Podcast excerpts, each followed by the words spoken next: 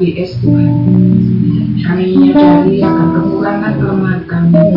Terlebih dahulu Tuhan ampunilah kami Tuhan supaya kami boleh menaikkan puji-pujian kami dengan lepas, dengan bebas Tuhan supaya uh, Engkau berkenan di atas puji-pujian kami Tuhan dan kami juga akan uh, mendengarkan sharing Tuhan yang mungkin nanti Tuhan boleh menjadi kekuatan boleh menambah semangat kami Tuhan terlebih Tuhan kami akan dengarkan firman-Mu juga Tuhan yang akan memper- memperbarui setiap bagian kehidupan kami yang Engkau belum berkenan.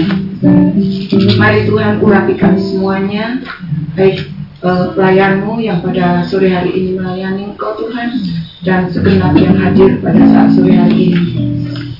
Apabila masih ada saudara-saudara kami yang masih ada dalam perjalanan Tuhan, kiranya Tuhan sertai mereka Tuhan dan bukakan di tempat ini dengan selamat supaya boleh bersama-sama kami beribadah. Terima kasih Tuhan, terima kasih kami mau mulai ibadah pada saat sore hari ini Tuhan hanya di dalam nama Tuhan Yesus kekasih jiwa kami. Haleluya. Amin. Masih semangat? Mat. Oh iya, lupa ibu aku. Masih semangat nggak? Pak? Kita akan lagu Jaga Harina Tuhan coba. Selalu baik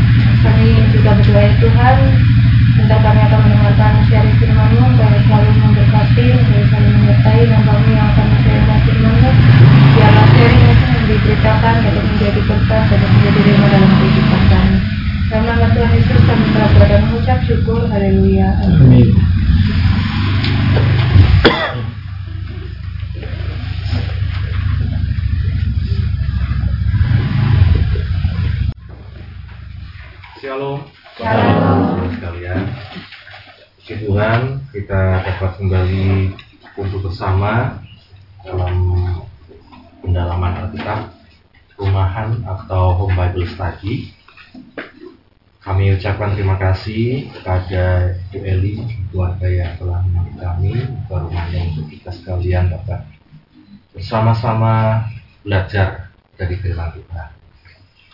Jadi Bapak Ibu Saudara sekalian seperti yang saya sampaikan di waktu yang lalu kita tiap ibadah punya ciri khasnya masing-masing ya. Kalau uh, belajar bersama itu satu arah ya hari Rabu.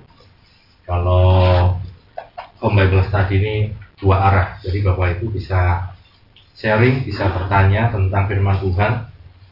Kemudian kalau Jumat itu doa puasa, persekutuan doa Sabtu itu kita berdoa bersama-sama. Jadi kita manfaatkan setiap waktu yang Tuhan berikan dalam kehidupan kita. Dan ini saatnya kita bisa bersama-sama. Mungkin ada hal-hal yang kita ingin tanyakan sejak zaman dulu ya kita belum paham dan lain sebagainya kita bisa bersama-sama e, membahas ya saat home Bible study. Kita akan membuka satu Yohanes pasal yang kelima 1 Yohanes pasal 5 mulai dari ayat 13 sampai ayat yang ke-21. 1 Yohanes 5 ayat 13 sampai 21. 1 Yohanes pasal 5 ayat 13 sampai 21. Pengetahuan akan hidup yang kekal. Semuanya itu kutuliskan kepada kamu supaya kamu yang percaya kepada nama anak Allah tahu bahwa kamu memiliki hidup yang kekal dan inilah keberanian percaya kita kepadanya, yaitu bahwa ia mengabulkan doa kita, jikalau kita meminta sesuatu kepadanya menurut kehendaknya. Dan jikalau kita tahu bahwa ia mengabulkan apa saja yang kita minta, maka kita juga tahu bahwa kita telah memperoleh segala sesuatu yang telah kita minta kepadanya. Kalau ada seorang melihat saudaranya berbuat dosa, yaitu dosa yang tidak mendatangkan maut, hendaklah ia berdoa kepada Allah dan dia akan memberikan hidup kepadanya, yaitu mereka yang berbuat dosa yang tidak mendatangkan maut. Ada dosa yang mendatangkan maut. Tentang itu tidak kukatakan bahwa ia harus berdoa. Semua kejahatan adalah dosa, tetapi ada dosa yang tidak mendatangkan maut. Kita tahu bahwa setiap orang yang lahir dari Allah tidak berbuat dosa, tetapi dia yang lahir dari Allah melindunginya dan si jahat tidak dapat menjamahnya. Kita tahu bahwa kita berasal dari Allah dan seluruh dunia berada di bawah kuasa si jahat. Akan tetapi kita tahu bahwa anak Allah telah datang dan telah mengaruniakan pengertian kepada kita supaya kita mengenal yang benar dan kita ada di dalam yang benar di dalam anaknya Yesus Kristus. Dia adalah Allah yang benar dan hidup yang kekal. Anak-anakku, waspadalah terhadap segala berhala. Ya, terima kasih Pak Iwan. Bapak Ibu sudah sekalian, kita sudah sampai di ayat-ayat terakhir dari 1 Yohanes pasal 5. Ini yang kita pergumulkan sepanjang tahun ini, surat 1 Yohanes. Dan kalau kita sudah uh, mengikuti bersama dari awal semua hal itu kita bisa melihat terhubung ya satu sama yang lain dan satu yang Yohanes ingin tekankan dalam surat ini adalah bagaimana kita mengenal Tuhan kita bagaimana kita beriman kepadanya dan yang kita lihat bagaimana kita tahu tentang apa yang Tuhan uh, janjikan dalam setiap firman-Nya kepada kehidupan kita. Kita waktu yang lalu sudah membahas tentang dosa baik yang mendatangkan maut maupun yang tidak mendatangkan maut. Secara sederhana. Kita melihat Bapak Ibu sudah sekalian ini bukan berbicara tentang jenisnya, bukan berbicara tentang jenisnya, tetapi ketika orang percaya kepada Tuhan Yesus dikatakan dia uh, ketika berbuat dosa seperti yang satu Yohanes pasal 1 katakan dia akan memiliki satu kesadaran. Akan memiliki satu hal yang mengingatkan di dalam hatinya yaitu Roh Kudus sehingga ketika dia berbuat dosa dikatakan dia akan datang pada Tuhan dia minta ampun pada Tuhan sedangkan di sisi lain mereka yang di luar Kristus mereka bisa berbuat dosa tanpa menyadari yang mereka lakukan itu adalah dosa. Maka ketika darah Yesus menyucikan hati nurani setiap orang percaya, satu hal yang eh, dibereskan ya bahasanya oleh Roh Kudus adalah bagaimana orang itu bisa punya kepekaan di dalam hatinya. Dosa itu bukan tentang hal-hal yang luar biasa terlihat dilihat orang dan lain sebagainya, tetapi bagaimana kita berpikir yang keliru saja sudah dosa. Kita mau merencanakan sesuatu yang tidak baik saja itu kita hanya sadar bahwa itu dosa dan lain sebagainya. Jadi kepekaan itulah yang Roh Kudus tumbuhkan dalam hati kita sebagai orang percaya. Dan ini yang dikatakan dosa yang tidak mendatangkan maut karena kita datang kepada Tuhan kita minta ampun pada Tuhan maka saya katakan kemarin orang yang sudah percaya sama Tuhan Yesus melayani Tuhan mungkin hamba Tuhan dan lain sebagainya bisa juga jatuh dalam dosa bisa juga berdosa. Tetapi bukan berarti menikmati tiap-tiap hari dosanya ya, yang membedakan. Karena dikatakan firman Tuhan setiap orang yang lahir dari Allah tidak dapat tetap berbuat dosa. Ya tidak berbuat dosa. Jadi kalau kita masih punya kesenangan tentang dosa, Bapak Ibu sekali maka kita perlu uh, mengintrospeksi setiap kehidupan kita. Apakah kita benar-benar sudah mengalami kelahiran baru dalam kehidupan kita? Jadi tentang kepekaan itu. Jadi apakah kita menyadari peka kalau itu dosa tidak perlu dibilangi orang lain dan lain sebagainya. Kita melihat Bapak itu selanjutnya dikatakan di ayat yang ke-18 sampai 20 ada tiga eh, kata yang diulang-ulangi oleh Rasul Yohanes.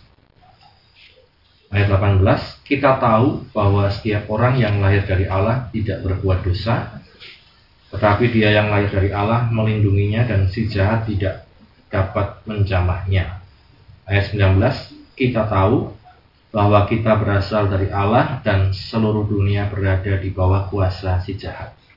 Ayat 20, akan tetapi kita tahu bahwa anak Allah telah datang dan telah mengaruniakan pengertian kepada kita, supaya kita mengenal yang benar dan kita ada di dalam yang benar, di dalam anaknya Yesus Kristus. Dia adalah Allah yang benar dan hidup yang kekal. Ini Bapak Ibu sekalian, tiga kata yang uh, diulang-ulangi adalah apa tadi kita baca? Kita, Kita tahu. Kita Ya. tahu. Kita tahu. Jadi dari rangkaian pasal 1 sampai pasal 5 Rasul Yohanes sudah memberikan berbagai macam penjelasan tentang iman di dalam Tuhan Yesus dan dia berharap kita tahu pengharapan apa yang ada di dalam Tuhan Yesus. Mengapa kita berbeda dengan iman yang lain misalnya? Mengapa kita uh, berbeda dengan pengharapan yang lain misalnya? Apa uh, pandangan Kristen tentang dosa tentang pengampunan dan lain sebagainya Firman Tuhan katakan kita tahu di ayat yang ke-18 tadi dalam terjemahan lain dikatakan kita tahu bahwa semua orang yang sudah menjadi anak-anak Allah tidak terus-menerus berbuat dosa sebab anak Allah melindunginya dan si jahat tidak dapat berbuat apa-apa terhadapnya.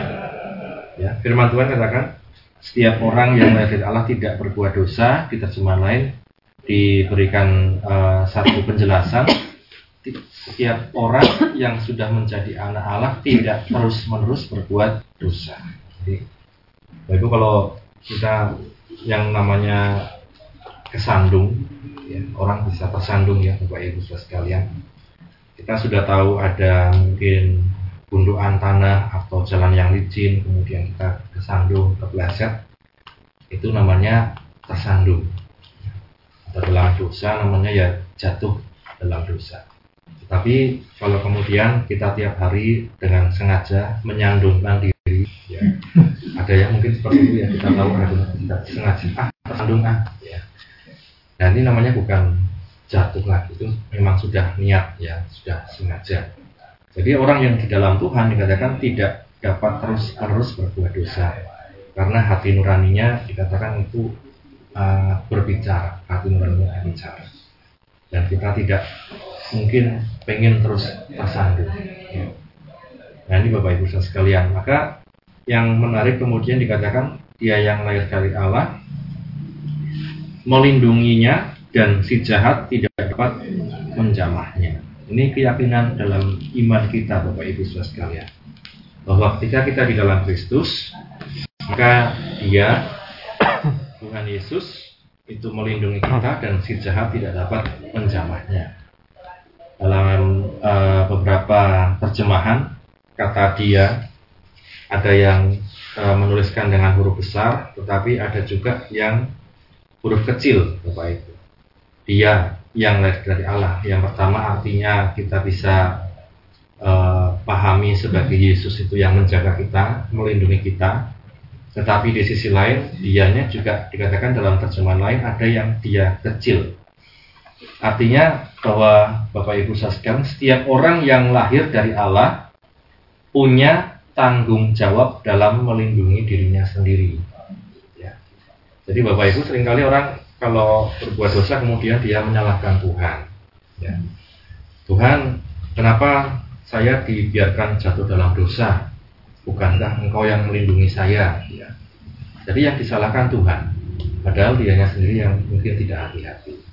Bapak Ibu mungkin kalau uh, misalnya dalam dunia kesehatan saja lah Bapak Ibu sekalian.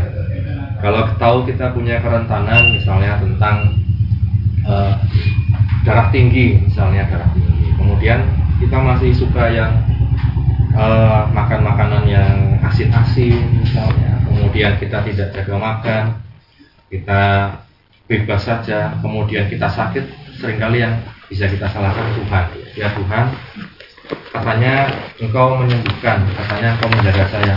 Mengapa kok saya sakit? Lah padahal ini salah kita sendiri ya. Jadi Bapak Ibu sekalian, selain Tuhan menjaga kita, mengokohkan kita, firman juga firman Tuhan ini juga dapat berarti bagaimana setiap orang yang lahir dari Allah hendaknya mereka punya tanggung jawab untuk melindungi dirinya sendiri. Ya, melindungi dirinya sendiri.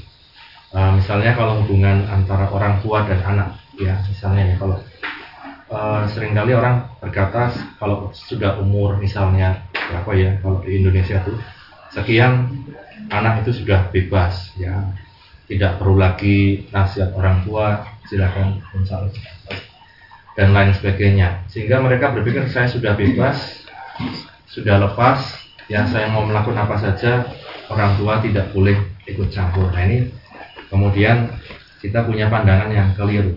Di sisi lain bapak ibu sekalian yang diingatkan yang diharapkan dari uh, masa yang semakin dewasa adalah tanggung jawab. Artinya, misalnya kita di Wonosobo sekolah kemudian di luar kota kuliah misalnya, tidak ada lagi yang mengawasi, tidak ada orang tua dan lain sebagainya. Di satu sisi kita bebas, di sisi lain adalah tanggung jawab. Kita dalam Tuhan pun demikian, Bapak Ibu sekalian.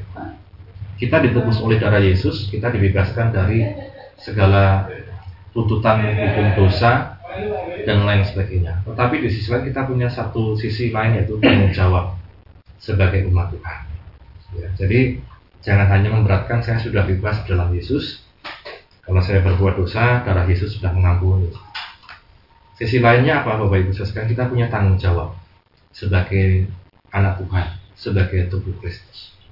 Ya, ini yang dikatakan tadi dia yang lain Allah melindunginya berbicara tentang Tuhan Yesus pelindung kita.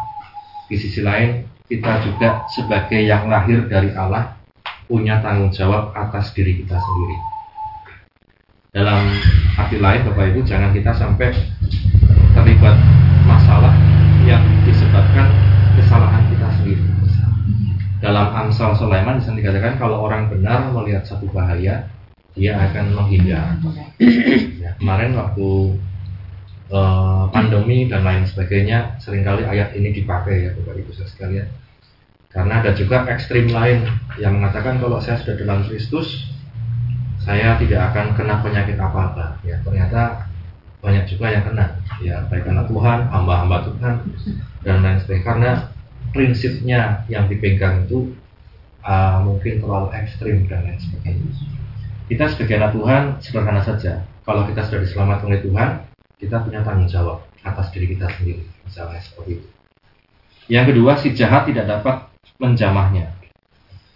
Kalau istilah uh, mungkin istilah sehari-harinya orang yang di dalam Tuhan itu dikatakan setan orang doyan, demit orang dulit. Orang kalau dalam Tuhan itu, itu sekali. Setan tidak doyan, demit orang dulit juga.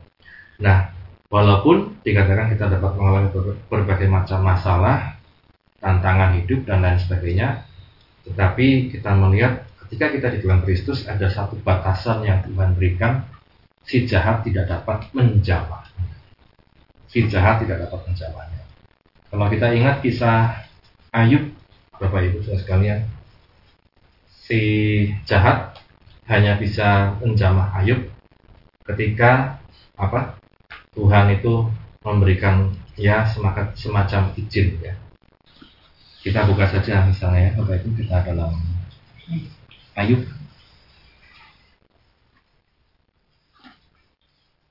Ayub pasal satu ya.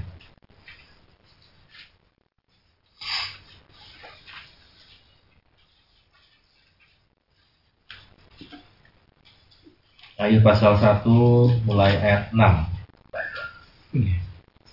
Ayub pasal 1 ayat 6. Pada suatu hari datanglah anak-anak Allah menghadap Tuhan dan di antara mereka datanglah juga iblis. Maka bertanyalah Tuhan kepada iblis, "Dari mana engkau?" Lalu jawab iblis kepada Tuhan, dari perjalanan mengelilingi dan menjelajah bumi. Lalu bertanyalah Tuhan kepada iblis, apakah engkau memperhatikan hambaku Ayub? Sebab tiada seorang pun di bumi seperti dia, yang demikian saleh dan jujur, yang takut akan Allah dan menjauhi kejahatan. Lalu jawab iblis kepada Tuhan, apakah dengan tidak mendapat apa-apa Ayub takut akan Allah? Bukankah engkau yang membuat pagar sekeliling dia dan rumahnya serta segala yang dimilikinya? Apa yang dikerjakannya telah kau berkati dan apa yang dimilikinya makin bertambah di negeri itu. Tetapi ulurkanlah tanganmu dan jamahlah segala yang dipunyainya. Ia pasti mengutuki engkau di hadapanmu.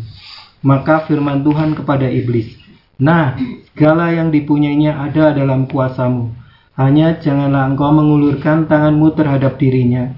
Kemudian pergilah iblis dari hadapan Tuhan. Ya, sampai sana kita melihat apa yang dikatakan oleh iblis ya di sini ya. Ini kalau kalau kita lihat sini satu hal yang menarik ya, bisa iblis bercakap-cakap dengan Tuhan ya. Apakah dengan tidak mendapat apa-apa Ayub takut akan Allah? Bukankah engkau yang membuat pagar sekeliling dia? Ya, artinya uh, setiap orang percaya kalau kita lihat ayat ini bahwa ada pagar sekeliling kita di mana pun kita berada meski kita tidak melihat ya kalau kita ingat kisah Elisa ya kalau nggak salah ya waktu dia di uh, dikelilingi pasukan musuh Gehasi ketakutan. Kemudian Elisa berkata Tuhan bukakanlah mata Gehasi kemudian Gehasi melihat pasukan berapi di mana-mana dari Tuhan Artinya Bapak Ibu saudara sekalian di mana pun kita berada, kita yang sedang jalan sendirian di gang yang sempit, gelap, kita yang sedang jalan sendirian di kuburan dan lain sebagainya, yang mau lewat saja kadang tidak berani, takut apa-apa. Bapak Ibu kita lihat pagar ada sekeliling kita, Amin. itu yang Tuhan katakan. Ya maka kita yang mungkin ketakutan waktu kebelet pipis di malam hari tapi takut ke belakang, ya ingat ya selalu ada Tuhan, ya kita yang ketakutan mungkin menghadapi segala sesuatu apa pun, firman Tuhan katakan ada Tuhan, ya.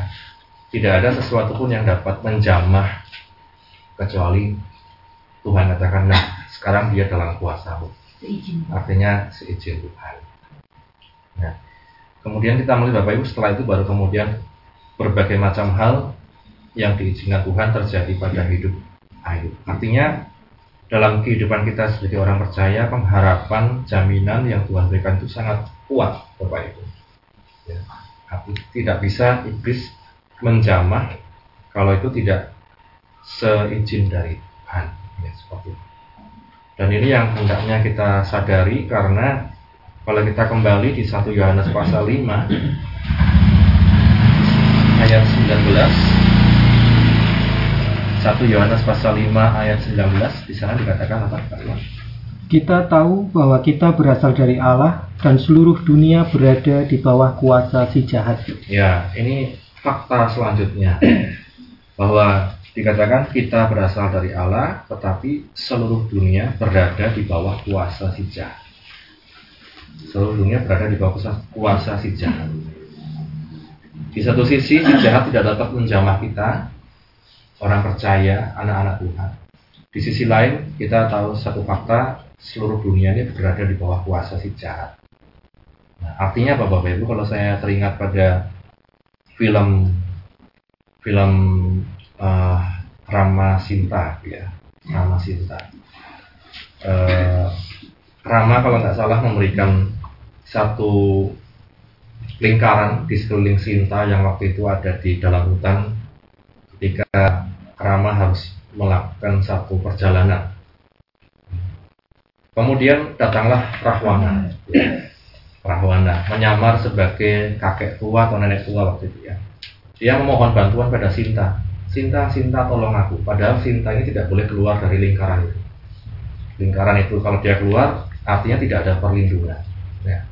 Karena Sinta ini melihat dengan belas kasihan, wah kasihan kakek tua, nenek tua. Akhirnya dia keluar. Di situlah diambil tangan Sinta, dibawa terbang oleh Rahwana ke Hastinapura. Ya. itu ceritanya. Jadi Bapak Ibu sekalian ini gambaran saja Bapak Ibu bagaimana Tuhan melindungi kita, tetapi kita jangan sampai keluar batas, keluar pagar. Ya.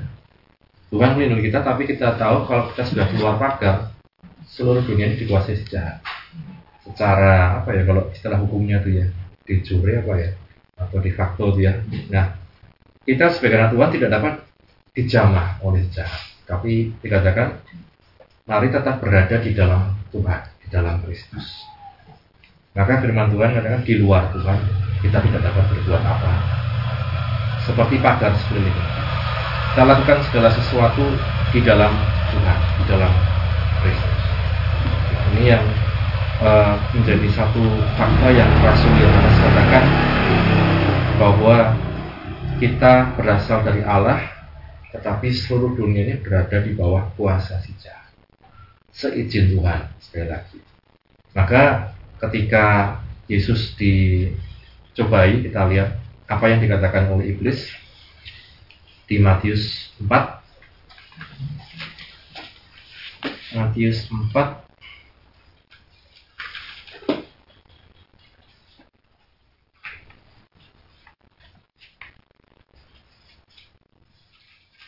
Matius pasal 4 ayat yang ke-8. Matius pasal 4 ayat 8 Dan iblis membawanya pula ke atas gunung yang sangat tinggi dan memperlihatkan kepadanya semua kerajaan dunia dengan kemegahannya dan berkata kepadanya Semua itu akan kuberikan kepadamu jika engkau sujud menyembah aku Maka berkatalah Yesus kepadanya Nyahlah iblis sebab ada tertulis Engkau harus menyembah Tuhan Allahmu dan hanya kepada dia sajalah engkau berbakti Ya, sampai situ ya. Kita melihat Bapak Ibu saudara sekalian, satu yang dikatakan iblis ketika dia eh, apa mencobai Yesus, dikatakan tadi semua itu akan kuberikan kepadamu jika engkau menyembah aku. Satu lagi kita baca sebagai perbandingan di Lukas 4, Lukas pasal 4 ayat yang kelima sampai 6. Lukas pasal 4 ayat 5 dan 6. Kemudian ia membawa Yesus ke suatu tempat yang tinggi dan dalam sekejap mata ia memperlihatkan kepadanya semua kerajaan dunia. Dan iblis kata iblis kepadanya, segala kuasa itu serta kemuliaannya akan kuberikan kepadamu. Sebab semuanya itu telah diserahkan kepadaku dan aku memberikannya kepada siapa saja yang ku kehendaki. Ya, kita lihat Bapak Ibu. Ini yang dikatakan iblis saat mencoba Yesus di Lukas 4 tadi. Dikatakan segala kuasa itu serta kemuliaannya tentang apa sih? Tentang kerajaan-kerajaan, semua kerajaan dunia. Bapak Ibu saudara, kalau kita bayangkan semua kerajaan dunia itu berarti sampai mana? semua nih, semua kerajaan dunia, segala kuasa itu serta kemuliaannya aku berikan kepadamu, Semka- sebab semua itu telah diserahkan kepadaku. Kita tidak tahu kapan serah terimanya ya, Bapak Ibu tidak dituliskan tanda tangannya kapan. Dan aku memberikannya kepada siapa saja yang ku kehendaki. Bapak Ibu sekalian, maka sangat umum dalam kerajaan-kerajaan dan lain sebagainya ketika orang mau berkuasa dan lain sebagainya kalau di dunia ini ya. Kalau kita mendengar cerita-cerita kadang mereka harus bertapa di tempat-tempat yang sunyi. Mereka harus mendapat apa ya satu izin dari apa hal-hal yang mistis dan lain sebagainya. Artinya Bapak Ibu hal-hal semacam itu memang benar-benar ada. Ya, bahkan mungkin ya hal-hal ini sangat diperhatikan. Nanti mungkin akan banyak lagi orang yang akan seperti itu. Ya, ketika dia mau mengharapkan satu power yang lebih, kuasa yang lebih, maka yang diharapkan memberikan kuasa itu ya hal-hal yang seperti tadi.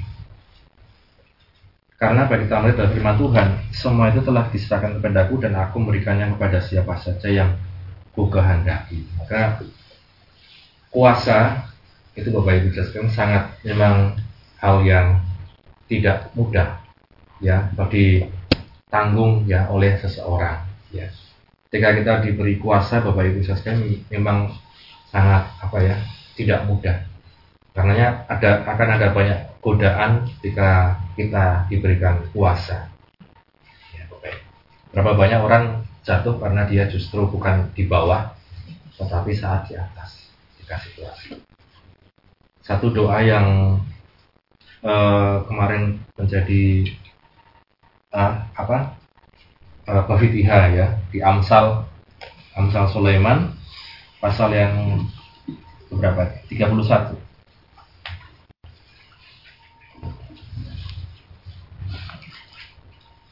ayat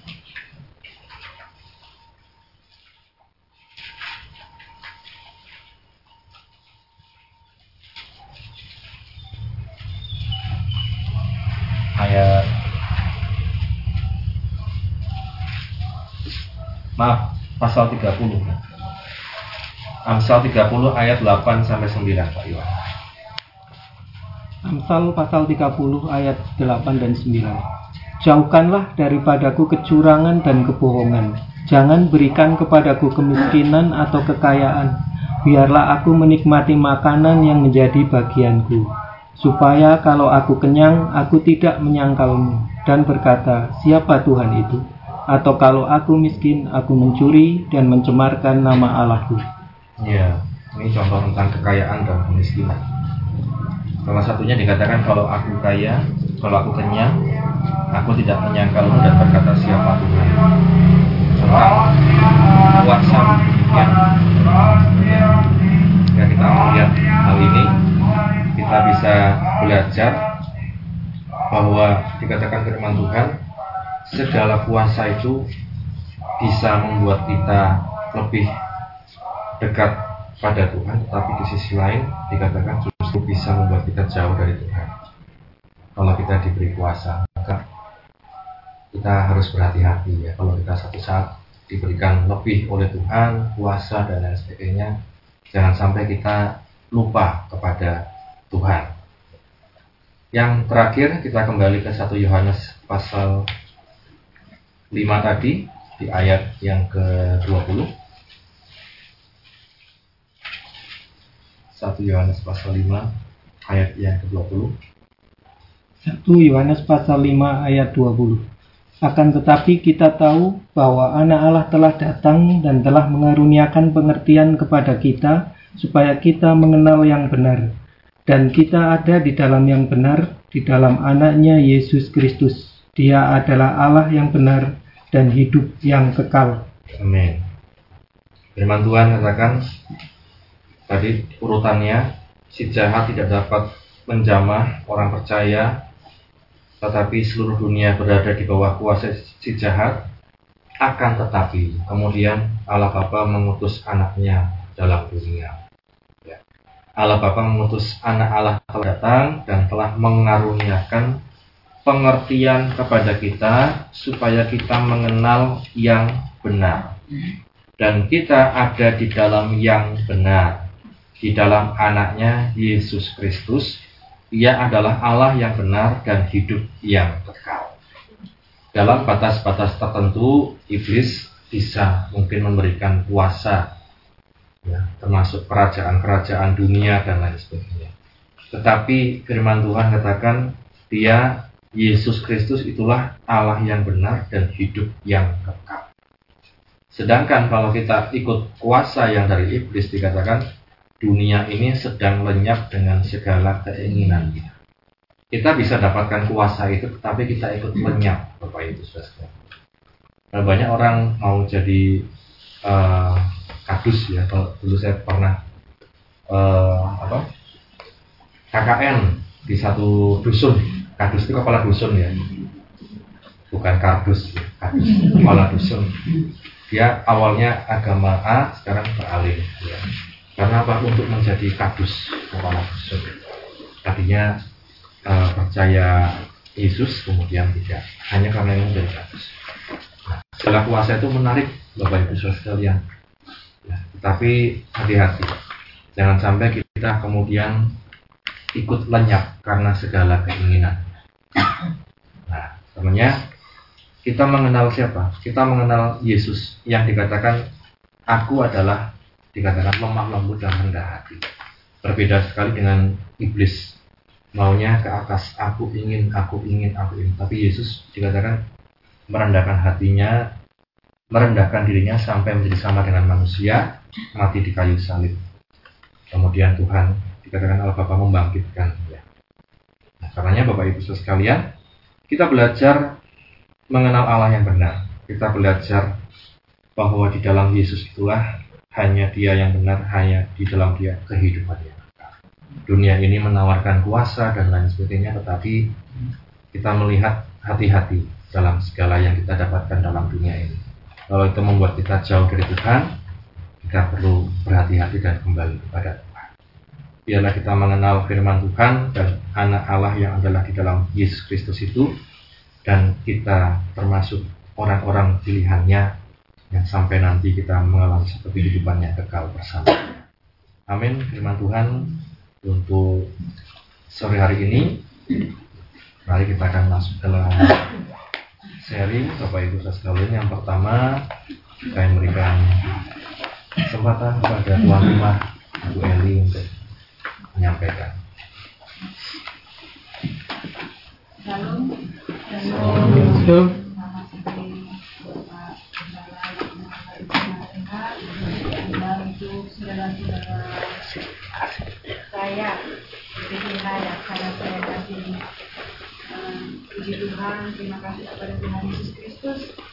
Pada sore hari ini kita boleh berkumpul, kita juga telah mendengarkan kebenaran firman Tuhan.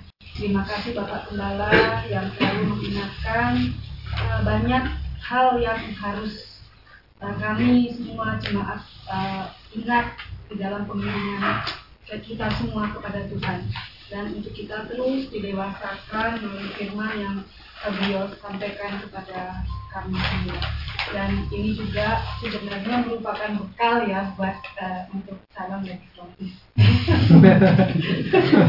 ya harus itu memang itu sudah tidak terpungkiri lagi memang itu merupakan uh, dasarnya untuk kita firman ini untuk uh, yang siapa pun maju tapi khususnya untuk yang beragama Nasrani. Terima kasih Bapak Gembala untuk firman uh, saya sore hari ini bersyukur uh, boleh berkumpul bersama saudara-saudari semua. Uh, hingga saat ini saya boleh juga menginjak umur 48 tahun berkurang umur saya. Tidak tahu sampai saya berumur berapa di dunia ini. Cuma satu harapan saya keinginan saya permohonan saya untuk tetap setia sampai saya akhir sampai saya menyelesaikan uh, pertandingan uh, memang saya anggap ini pertandingan karena saya banyak sekali hal-hal yang harus saya uh, bisa nggak saya memenangkan gitu hal-hal yang harus saya uh, pilih gitu itu memang berat tapi saya bersyukur kepada Tuhan dan saat ini Tuhan selalu menuntun saya membimbing saya juga melalui firman-firman yang di yang tambah Bapak Pendeta saya sampaikan juga untuk selalu Ibu Penasehat juga yang selalu mendoakan saya khususnya bersama anak-anak saya.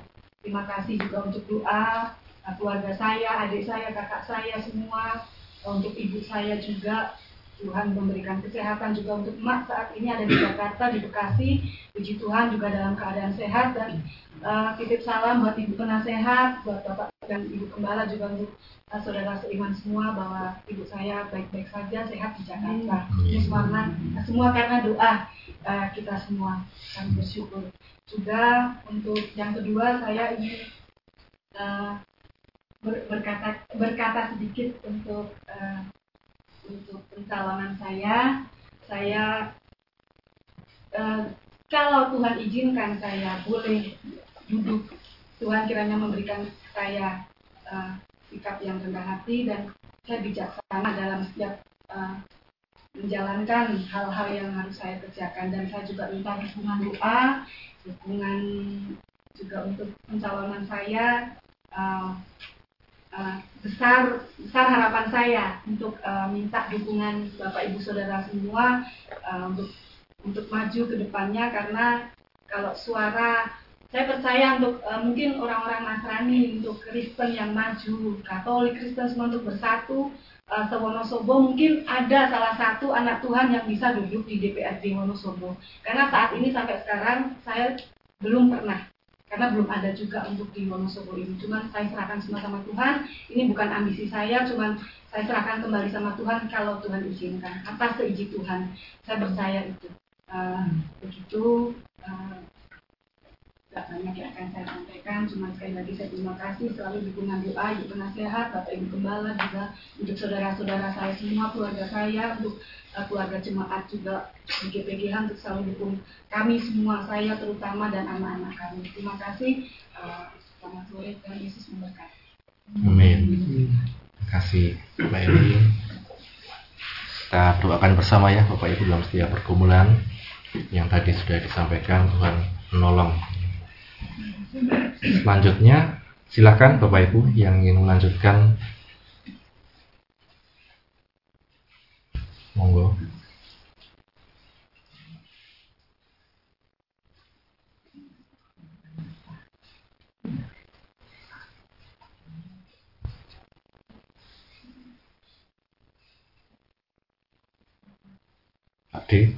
Ya.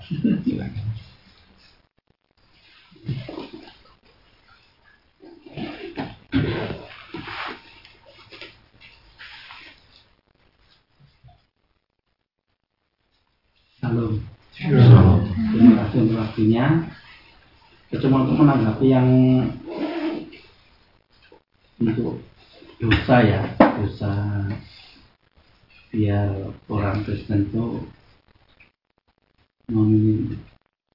untuk apa? Biar tidak terlalu terikat oleh dosa gitu ya. Kita namanya apa? Di kalau kita di dalam Tuhan kan nah, dalam Tuhan kan kita kan tidak bisa berdosa kan karena bini ilahi kan udah ada, ada di dalam diri kita semua. Makanya kita kan harus punya rema ya dalam hati kita. Punya rema. Untuk caranya punya rema itu saya itu teringat oleh lagu dua minggu itu baca kitab suci doa tiap hari. Kalau mau tuh gitu. Itu itu saya renungkan itu. Ini mau saya renungkan itu. Caranya bagaimana kita bisa tumbuh dalam Tuhan dalam apa rohani kita. Rupanya lagu setelah minggu itu juga apa rasanya itu sederhana tapi kok benar juga loh gitu saya saya dengar karena saya renungkan itu. Benar juga ya orang berdoa napas juga napas orang Kristen. Baca kitab suci lama-lama kita mengerti kan perkataan Tuhan. Kadang kemarin saya ngomong sama teman saya saksian ya. Saya tuh mendengar suara Tuhan. Nah itu Lalu saya katakan ya suaranya bagaimana? Itu kan. Ya kita harus gini gini gini. Ya begini ini ya bagaimana? Ya pas saya dengar firman Tuhan aja gitu. Kalau saya secara bodoh ya secara bodoh saya tuh mendengar firman Tuhan itu ya firman Tuhan ini ini memang suara Tuhan ini ya firman Tuhan yang di Alkitab ini ini adalah firman Tuhan yang sesungguhnya. Makanya kan saya ngomong kalau kamu dengar firman Tuhan itu kamu harus diuji. Roh itu itu memang dari Tuhan atau bukan? Karena harus diuji roh itu. Kalau kita cuma dengar-dengaran tapi kan tahu-tahu menyesatkan itu bahaya. Kita lebih enaknya ya ya firman Tuhan ini itu adalah perkataan Tuhan sendiri gitu loh kalau saya salah salah bodoh ya salah bodoh kan daripada kita bermacam-macam. Karena kan orang ya memang ada orang yang bisa mendengarkan firman apa suara Tuhan. Seperti Samuel ya kan? Seperti Abraham Musa. Tapi kan dari benih dari buahnya kan dia tahu. Kita tahu kan buahnya orang itu kalau dia sering dengan firman Tuhan tapi kalau dia sering berbohong sering memaki-maki itu kita diragukan. Itu kalau saya. Mendingan kalau kita secara bodoh ya baca kitab suci aja lah. Itulah kita untuk firman Tuhan itu. Perkataan firman Tuhan jangan sampai kita disesatkan untuk hal-hal yang kita nggak mengerti gitu. Itu aja Om Yes. Siap. Pak D ya jadi Bapak Ibu sekalian mari baca firman Tuhan ya tiap hari makasih Pak D Ya. ya monggo Ibu Bapak-bapak ada lagi yang ingin Saya mau sharing firman Tuhan. oh ya ya Makasih Pak Gembala. Saya tertarik, eh, sangat tertarik di Ayub, ya. Pribadi Tuhan Yesus yang luar biasa ya.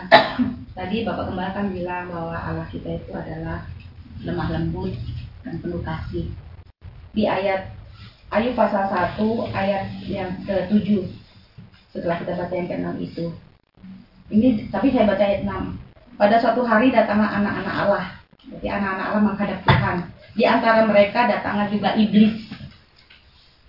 Saya tertarik, iblis ini kan jahat ya kalau kita pikir. Tapi Allah itu masih baik aja. Bahkan diajak berdialog.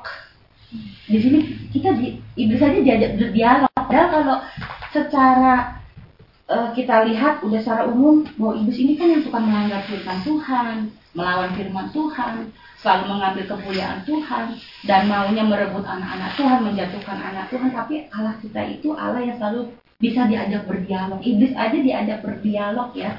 Saya tertarik bahwa Tuhan itu luar biasa. Padahal jujur aja deh kalau kita udah kesal sama orang, kita diajak ngomongnya nggak mau kan ya. Jujur deh, jujur. Kita udah sebel sama orang tuh rasanya kita males ngomong. Kita nggak mau berdialog gitu loh. Tapi kita ditegur juga nih eh, bahwa Allah berdialog sama iblis. Maka bertanyalah Tuhan kepada iblis. Secara kan dia diajak berdialog. Dari mana engkau? Ya, Tuhan tanya. Apakah Tuhan nggak tahu? Tuhan tahu. Dia tahu iblis itu lagi cari-cari lihat anak Tuhan yang soleh gitu ya. Dia coba-coba cari perhatian gitu. Tapi bersyukur eh, saya deh ditegur deh. Itu masih kesal gitu loh. Kalau mereka kesal gitu saya udah malas berdialog gitu loh malah saya berargumentasi gitu. Tapi sorry ini Tuhan menurut saya juga nih bahwa tetap harus membuka hati setiap saudara saudari saya atau siapa aja yang bikin saya kesel jengkel gitu ya. Saya marah mungkin ya. Sampai bilang pelayan Tuhan yang bisa marah. Saya marah bisa. Saya masih bisa marah maaf ya. Di sini saya ditegur Tuhan kita harus membuka hati selalu dan saudara kita. Kita tetap bisa berdialog diajak berbicara. Kita tetap ajak eh, merangkul ya. Kita nggak boleh membenci sebab benih ilahi tidak ada kebencian. Tidak ada itu. Bahwa kita lahir dari Allah milik Allah adalah penuh kasih. Allah kita adalah kasih. Begitu Tuhan sih saya bersyukur nih ayat ini luar biasa. Tuhan Yesus berdialog. Allah Bapa masih ngajak berdialog. Iblis loh. Aduh saya bersyukur deh. Terima kasih Bapak Gembala. Sharing saya kali ini. Amin. Si Tuhan. Terima kasih Mbak Lis sharingnya. Silakan Bapak Ibu. Ada lagi?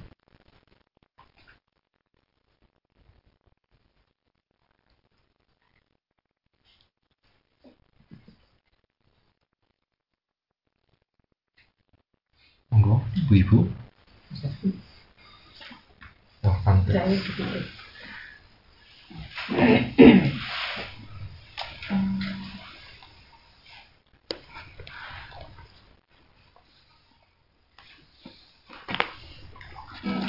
Eh, kadang suka bingung gitu ya. Kalau di pasar itu suka ada yang ajak ngobrol. Eh, dia nggak punya agama. Agamanya eh, pokoknya Islam bukan. Kristen juga bukan. Tapi dia eh, apa kalau ngobrol itu eh, benar gitu sesuai sama firman gitu. Kalau misalnya ada yang apa eh, menyakiti dia pasti nggak akan balas nyakiti malah dia doakan gitu. Kalau ada apa lagi ya mencuri gitu dia nggak eh, lapor misalnya gitu tapi dia malah ngedoain jangan curi lagi ngasih ini. Nah saya sukanya kadang suka bingung gitu dia ajarannya apa gitu. Dia suka seperti di mana tuh Eh,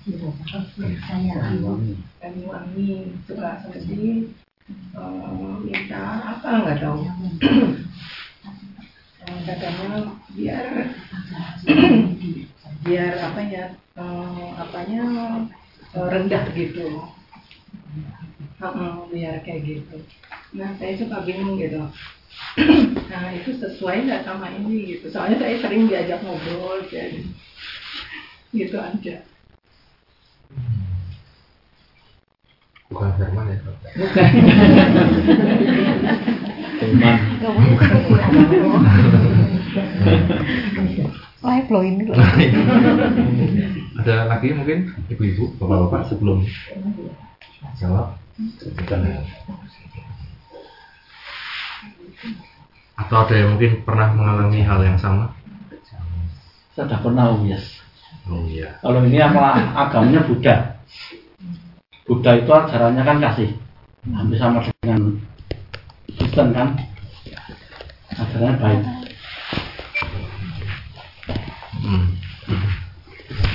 Tapi yang saya kurang apa? Kurang setuju itu dia itu apa ya? Dia itu kalau mau kesempurnaan dia harus apa? Menyendiri kan? Menyendiri. Ceritanya apa ya? Topo apa ya? Menyendiri yuk. Untuk untuk apa? Menghentikan Cipta. bukan apa menjauhkan dari dunia gitu loh menjauhkan dari dunia oh keinginan dunia dan dan tidak mau berkontraksi dengan.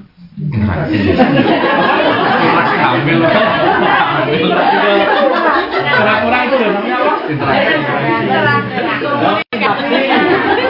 Berinteraksi ke orang-orang maksudnya tersendiri ini loh tersendiri saya tidak pernah mau itu kan omongan.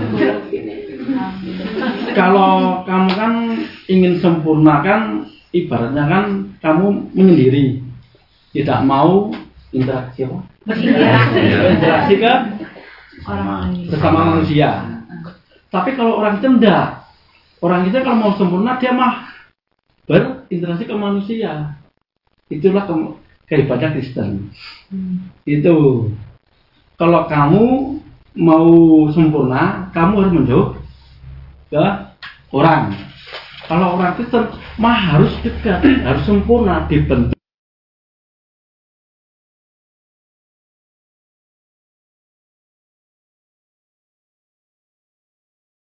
ada pembelaan diri juga kan ke Shaolin itu ya. Shaolin itu kan. Dia mungkin untuk kesehatan tapi kan membela diri juga kan kalau berkelayan untuk membela diri. Kalau kita tidak diajarkan itu kan. Nah itulah bedanya antara antara kasih Buddha dengan kasih Kristen. Menurut, menurut saya seperti itu mungkin. Itu kenapa kalau kita ingin sempurna Tuhan kan berinteraksi ke manusia kan? Sempurnanya itu. Untuk mendosa mendosa apa? Menebus dosa manusia kan? Tapi kalau Buddha kan dia kan menyendiri. Lah itu lainnya. Bedanya itu. Mungkin itu tak yes mungkin orang ajarannya mungkin bagus tuh. Ya kan? Nyamak kan nggak mau nggak mau dikeplak kalau Buddha. Gigit ya biarin gigit. Ya kan? Nggak mau. Tapi kan kesempurnaan itu kan memang beda-beda ya gitu mungkin om gitu aja om yes Terima kasih Pak D.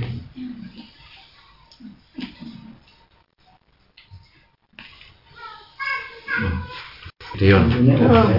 Menyambung. ngomongnya aneh Menyambung tema atau tema. oh ambil ya Oke. Halo, Bapak. Oke. Kalau saya menyambung tentang kesaksiannya Tante, ah, permisi, non, saya kata, jangankan kita manusia, iblis pun kadang bercakap-cakap dengan Tuhan. Yang dimaksud gini, kita pernah nggak sih kayak merasa kayak kita itu tidak layak, tidak mampu. Dalam arti, di saat eh, semakin Tuhan menguji ke kita, apakah kita semakin kabur atau semakin mendekat? Ya, jadi eh, di saat eh, itu tadi yang topiknya, di saat kita benar-benar menghadapi suatu tekanan yang besar, sesuatu yang menurut kita eh, worth it, Tuhan aku tidak mampu. Dalam arti kalau jenengan pernah eh, dengar pujian lama, bila hati terasa berat, kadang ya nun sewu saudara pun tidak ngerti keluarga tidak ngerti bapak ibu semua pun tidak ngerti. Tak seorang pun. Nah, ku datang Yesus. Dalam arti di saat semuanya benar-benar Tuhan apa yang harus aku lakukan? Dalam arti gini sebelum Tuhan memberikan atau mengizinkan kita menghadapi masalah itu Tuhan sudah kasih untuk jalan keluarnya kok jadi eh, yang di mana sebelum kita mendapatkan itu semua atas izin Tuhan, ya wis, dalam arti udah serahkan semuanya. Dengan cara Tuhan yang mungkin kadang eh, di luar nalar kita. Contohnya seperti Nabi Elia di saat benar-benar tidak ada Tuhan kirim burung. Jadi kalau kita selalu iman kita adalah anak Tuhan ya udah jangan pernah khawatir dengan cara yang apa pun ya kadang menurut saya kadang saudara seiman uh, dipakai Tuhan untuk dengan cara oh kayak gini kayak gini. Jadi kita tidak usah khawatir dengan apa pun yang uh, ada di depan kita. Sebelum Tuhan mengizinkan semuanya itu terjadi Tuhan sudah sediakan. Nuwun sewu mungkin secara finansial mungkin ya nuwun sewu masalah keluarga ataupun yang lainnya. Di saat Tuhan mengizinkan itu terjadi dalam kehidupan kita, ya sudah. Serahkan semua dalam, eh, dalam tangan Tuhan. Yang dimaksud biarlah Tuhan sendiri yang turut campur tangan. Dengan caranya yang tidak pernah kita duga. Dengan caranya yang unik. Dalam arti, itu lagi di saat ada sesuatu yang benar-benar membuat kita Tuhan aku tidak mampu, aku tidak bisa Masuklah ke kamar Sujud, berlutut minta ke Tuhan. Seperti lagu Waktu Tuhan pasti yang terbaik. Maksudnya begini, dan nun sewu. Orang Jawa Timur bilang sak ngoyoh ngoyoh usahanya awak dewe. Tak gusti buatan berkahi, buatan ngizinakan dia. Tidak akan terjadi. Jadi serahkan semuanya Tuhan. Apa pun itu, biarlah Tuhan sendiri bekerja. Kedua, biarkan waktu Tuhan yang terjadi. Seperti itu. Terima kasih.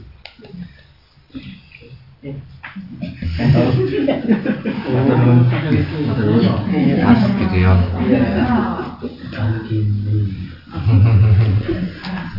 Oke. Terakhir mungkin saya menjawab Tante Sarun ya sejauh pemahaman saya. Eh, yang pertama saya tidak eh, belum kenal orangnya belum tahu kesehariannya. Yang kedua yang saya tahu dari perspektif Kristen. Jadi kalau dalam Kristen keselamatan adalah inisiatif Allah. Jadi bukan usaha manusia untuk datang untuk menyelamatkan manusia yang berdosa.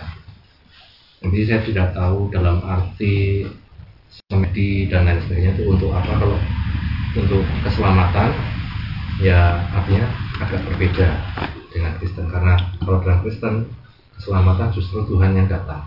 Bukan kita yang mengusahakan dengan segala macam cara. Apakah ada orang Kristen yang bersemedi ada juga. Ya. orang Kristen kan sampai sekarang ada yang berpuasa bersemedi kan? Tapi tujuannya bukan untuk keselamatan bukan yang keliru nah yang kedua memang kalau dalam firman Tuhan katakan kadang orang-orang dunia ini lebih baik daripada orang-orang Kristen juga. Ya kita kalau fokus tentang kebaikan kadang yang di luar Tuhan justru kadang itu yang menolong kita kadang justru yang lebih sama kita. Eh ketemu orang Kristen justru kok kadang menyakiti dan lain sebagainya. Nah itu makanya ada perspektif keselamatan ada perspektif kemanusiaan. Tapi dalam iman kita sebagai orang percaya bahwa keselamatan itu adalah usaha Tuhan inisiatif Tuhan yang mengutus anaknya Yesus Kristus untuk menyelamatkan kehidupan manusia berdosa. Berbeda dengan iman lain di mana manusia mengejar-ngejar keselamatan. Dan itu tidak dalam perspektif Kristen tidak bisa. Karena manusia sehebat apa pun dikatakan tidak mampu melakukan hukum Taurat dengan sempurna. Nah, katanya kita diselamatkan karena anugerah oleh Tuhan. Dan piala itu juga yang membuat kita dalam segala aspek kita menjadi yang saya katakan tadi bertanggung jawab. Kita punya dua aspek, satu kita sudah selamatkan, yang kedua tanggung jawab bahwa orang melihat kita sebagai orang Kristen. Kita bukan hidup di dunia ini sendiri, tapi orang juga melihat kita. Anak Tuhan itu seperti apa? Anak Tuhan apakah lebih bijak ya ibaratnya dari yang lain? Apakah sama saja dan lain sebagainya? Mungkin itu sedikit dari saya tante. Semoga agak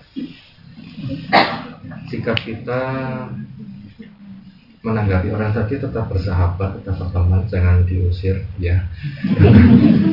Malah jadikan teman dan lain sebagainya. Boleh ya. Bakulnya ini. Boleh ya. Diusir. Diusir malah repot ya, bapak sudah sekalian bakul, tidak apa, tidak masalah. Yang penting adalah kita punya dasar sendiri. Orangnya baik. Orangnya baik. Bapak. Jangan ditanya terus nanti malah mengerucut pada satu orang ketahuan. Jadi demikian mungkin Bapak Ibu untuk sore hari ini. Terima kasih semua untuk sharingnya. Tuhan Yesus berkati dan kita akan masuk dalam doa syafaat. Tidak lupa kita doakan juga ya untuk perjalanan besok uh, Ibu Neliana, dan keluarga. Mereka juga mau ada acara lagi di Surabaya. Ya. Ada yang mau disampaikan mungkin dari Tante? Iya.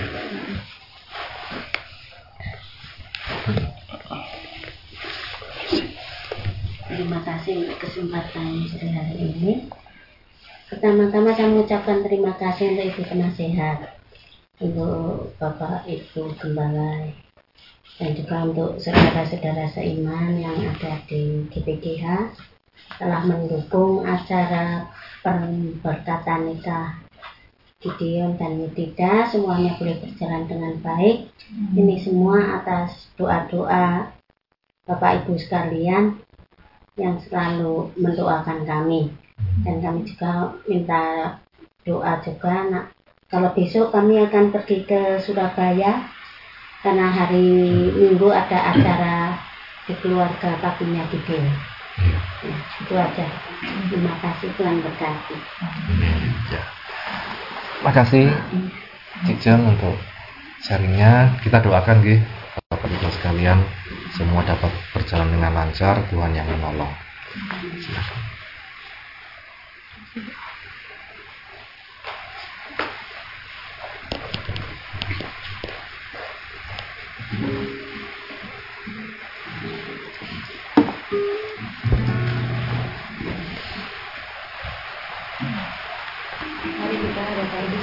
Hati kita kita berdoa syafaat. Kita imani apa pun yang kita sampaikan kepada Tuhan biarlah semuanya dipimpin Roh Kudus dan setiap doa doa permohonan kita biar sesuai kehendak Tuhan. Bukan kehendak kita tetapi kehendak.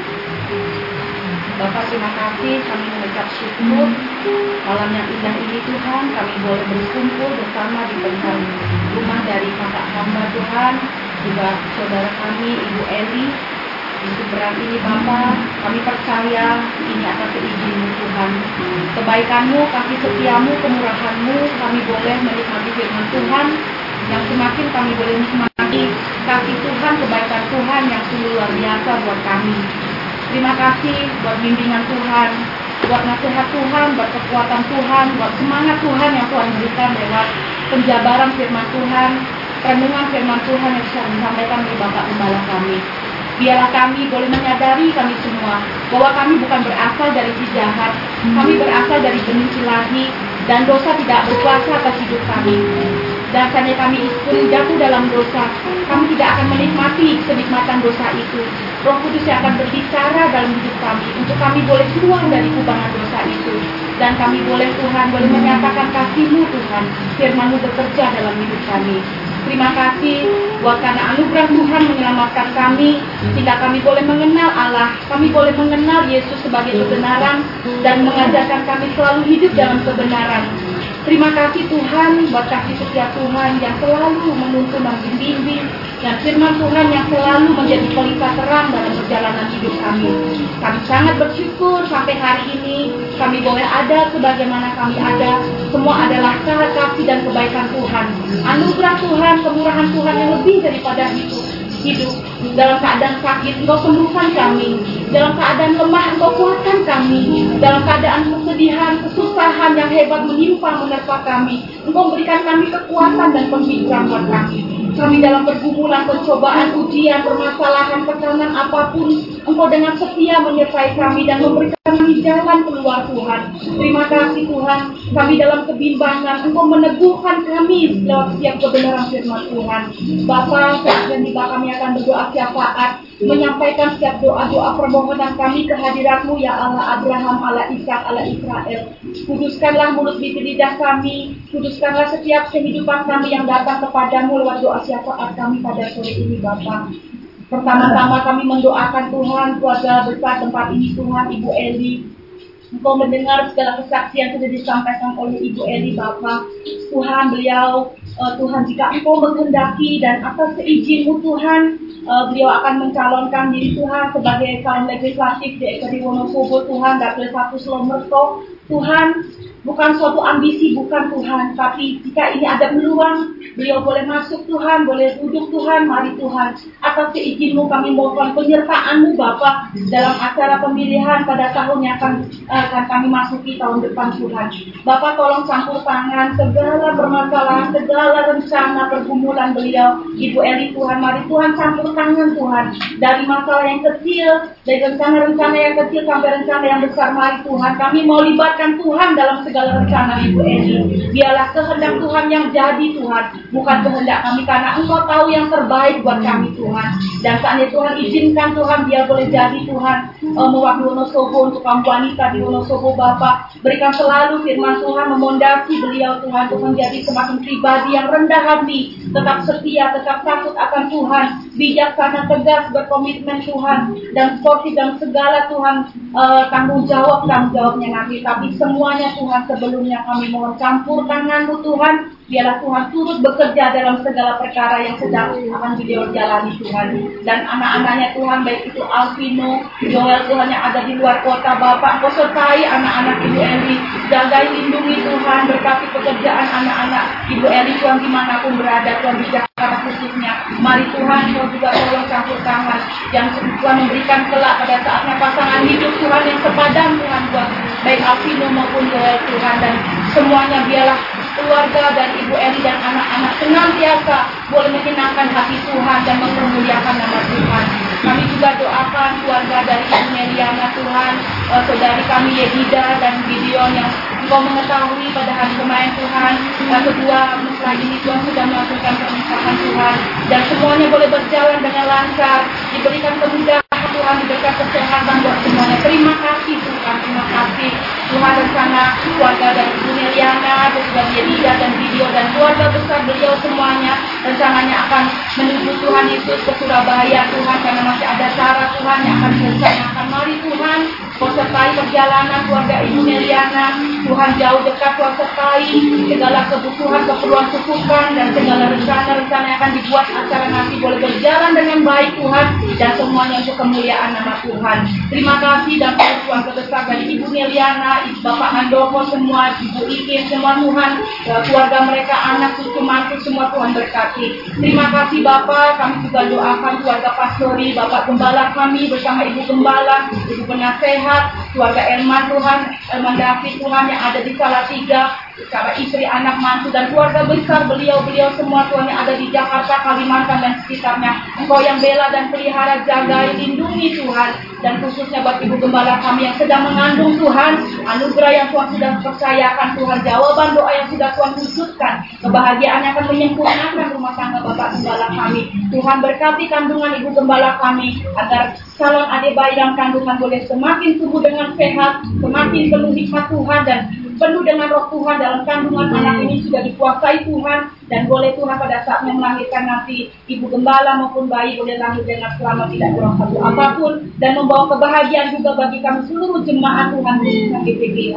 Terima kasih Tuhan kami akan terus dukung dalam doa. Tuhan berkati juga ibu penasihat kami Bapak selalu kesehatan sebagai pendoa-pendoa Tuhan dengan segala solusi dan nasihat-nasihat beliau buat kami anak-anak anak-anaknya GPGH khususnya klien-klien Tuhan juga jemaat Tuhan semua para aktivis biarlah beliau selalu diberikan panjang umur, diberikan sehat, diberikan hikmat akal budi dalam setiap bisa memberikan penyelesaian masalah-masalah yang terjadi di khususnya di keluarga besar GPGH kami dan biarlah Tuhan sebagai penasehat, sebagai pendukung pelayanan Bapak Gembala kami, Tuhan kasih dan karunia hikmat marifat Allah senantiasa mengurapi, menguasai hidup penasehat kami. Terima kasih memberkati pelayanan Bapak Gembala kami, agar Bapak Gembala kami menjadi berkat di mana pun Bapak Gembala yang akan diutus Tuhan, dalam pelayanan baik dalam berorganisasi Tuhan, baik penggembalaan di tempat Wonosobo ini khususnya gereja-gereja di Wonosobo, biarlah Tuhan Bapak Gembala kami boleh menjadi terang, boleh menjadi berkat, menjadi saksi, menjadi oh, pelayanan yang diurapi Tuhan, dipakai Tuhan, dan dalam kehidupan Bapak Gembala kami boleh senantiasa Tuhan, boleh mempersatukan gereja-gereja khususnya di Wonosobo ini. Terima kasih Bapak, kami semua jemaat Tuhan, kami doakan yang sakit Tuhan, baik itu saudara Liang Tuhan, Ibu Sumaryoto dalam pemulihan, ya, Oma Bambang, Ibu Bambang juga haknya sakit juga Tuhan, saudara adik saya Tina juga Tuhan, Tuhan semua Tuhan teman-teman kami yang sedang sakit, baik itu kemudian juga Agus, baik itu Titus Tuhan, Tuhan juga setiap yang dalam kelemahan tubuh yang tidak bisa kami sebutkan satu persatu, Tuhan lawat mereka sore ini malam ini, di dalam nama Yesus Tuhan menjamah seperti berlaku tadi Tuhan, Engkau berfirman, Engkau menyembuhkan setiap uh, saudara-saudari kami yang sakit. Terima kasih Bapak, kami doakan juga acara Natal di gereja kami, juga Engkau tahu dana yang dibutuhkan kurang lebih 25 juta Tuhan, mari Engkau yang sediakan Tuhan, Engkau memberkati jemaat Tuhan, berikan hati yang mau berkorban, hati yang setia Tuhan, memberi yang terbaik buat Tuhan, dan boleh semua acara-acara yang sudah direncanakan, baik Tuhan langsung tidak langsung,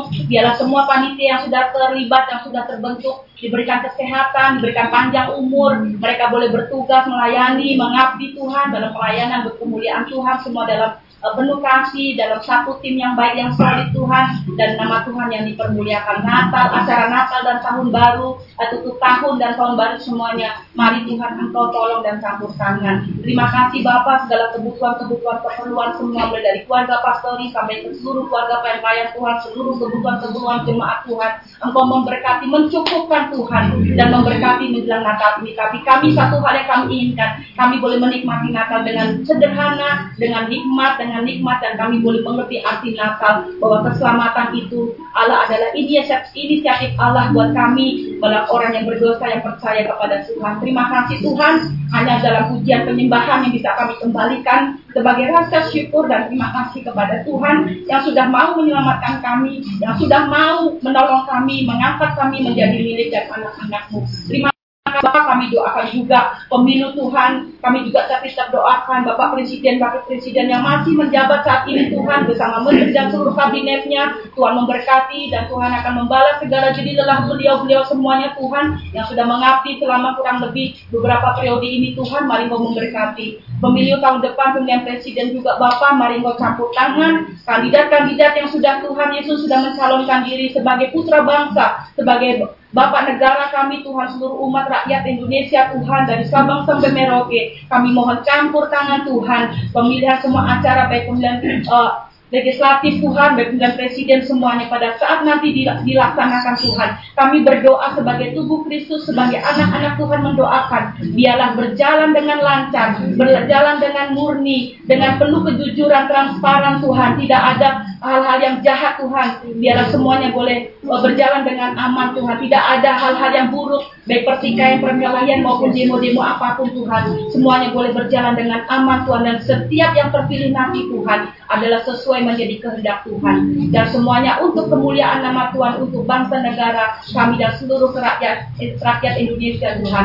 Terima kasih Tuhan Yesus. Kami serahkan juga semua Bapak, gereja-gereja Tuhan, umat Tuhan, teman-teman seiman kami, teman-teman sebangsa setanah air kami, di mana pun berada saat ini, Engkau yang lawat dan tilik mereka satu persatu. Kami khusus mendoakan hamba-hamba Tuhan dalam segala karunia-karunia Tuhan sudah berikan buat mereka, baik itu sebagai gembala, rasul, nabi, guru-guru sekolah Alkitab, para misionaris, para penginjil-penginjil, gembala-gembala kita. Tuhan, Engkau yang memberkati mereka semua. Engkau yang melawat mereka, menyertai mereka, khusus mendoakan mereka yang ada di pedalaman Tuhan, mereka yang sedang menghadapi tantangan intimidasi, mereka yang mengalami aniaya karena mereka mengabarkan Injilmu Tuhan bagi pekerjaan di ladamu, kuatkan iman mereka agar mereka jangan lari dari panggilan ini Tuhan, teguhkan panggilan mereka dalam hidup mereka, berkati mereka, cukupkan segala sesuatu yang mereka perlukan. Terima kasih Tuhan, kami doakan saudara-saudari kami yang sudah undur jauh dari Tuhan, Engkau mengetahui siapa mereka Tuhan. Kami percaya Tuhan Engkau yang akan memanggil mereka Tuhan. Engkau yang akan jamah hati mereka. Seperti firman Tuhan. Roh Kudus yang akan menggerakkan. Tuh, roh Kudus yang akan mengaruniakan roh pertobatan bagi mereka. Untuk mereka kembali kepada Tuhan. Mereka yang hidup dalam hubungan dosa Tuhan. Tuhan kami doakan. Kami bertugas mendoakan mereka seperti Tuhan Bapak Gembala kami. Kami harus mendoakan mereka. Mari Tuhan selamatkan mereka. Agar mereka bisa keluar Tuhan dari kubangan dosa. Mereka boleh hidup untuk kebenaran. Menyerahkan anggota-anggota tubuh hidup mereka mereka Tuhan untuk kebenaran, untuk kemuliaan nama Tuhan. Terima kasih Bapak dan sebentar kami juga doakan Tuhan seluruh kami yang hadir pada malam hari ini Bapak Engkau tahu Tuhan segala pergumulan kami. Kami juga doakan dari Bapak Wowo dan istri Tuhan untuk Kristus Tuhan dalam masalah rumahnya Tuhan. Kami tetap doakan Tuhan. Saya percaya Tuhan. Kami percaya Tuhan.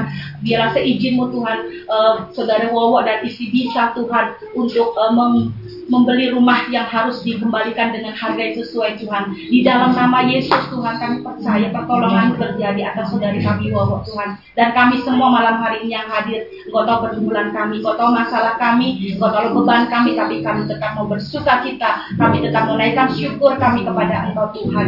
Dan bila mana sebentar kami akan pulang ke rumah kami masing-masing, yang jauh, yang dekat dari jalan kaki naik kendaraan. Mari Engkau tibakan kami di rumah dengan selamat, tidak kekurangan suatu apa pun. Pertemu pertemukan kami pada jam-jam ibadah kami Tuhan khususnya Tuhan Sabtu juga besok ada doa penyembahan Minggu ibadah umum mari Tuhan kami boleh bertemu dalam kekuatan yang baru kesehatan yang lebih lagi Tuhan dan nama Tuhan dipermuliakan. Inilah doa kami Bapa. Ampuni doa kami bila masih banyak kekurangan dan kelemahan kami. Roh Kudus yang menyempurnakan setiap doa dan permohonan kami ini Bapa. Dengan penuh rasa syukur dan terima kasih buat kasih setiamu dan pengampunanmu bagi kami. Kami persembahkan hanya di dalam satu nama di atas segala nama. Di dalam nama Tuhan Yesus Kristus. Guru besar kami, imam besar kami. Engkau adalah gembala kami agung. Engkau adalah, oh Tuhan Yesus mempelai pria sorga kami, kami berdoa dan mengucap syukur. Haleluya. Amin. Tuhan memberkati engkau dan melindungi engkau. Amin. Tuhan menyinari engkau dengan wajahnya dan memberi engkau kasih karunia. Tuhan menghadapkan wajah kepadamu dan memberi engkau damai sejahtera. Dan kami akan di dalam nama Tuhan Yesus Kristus. Terima kasih.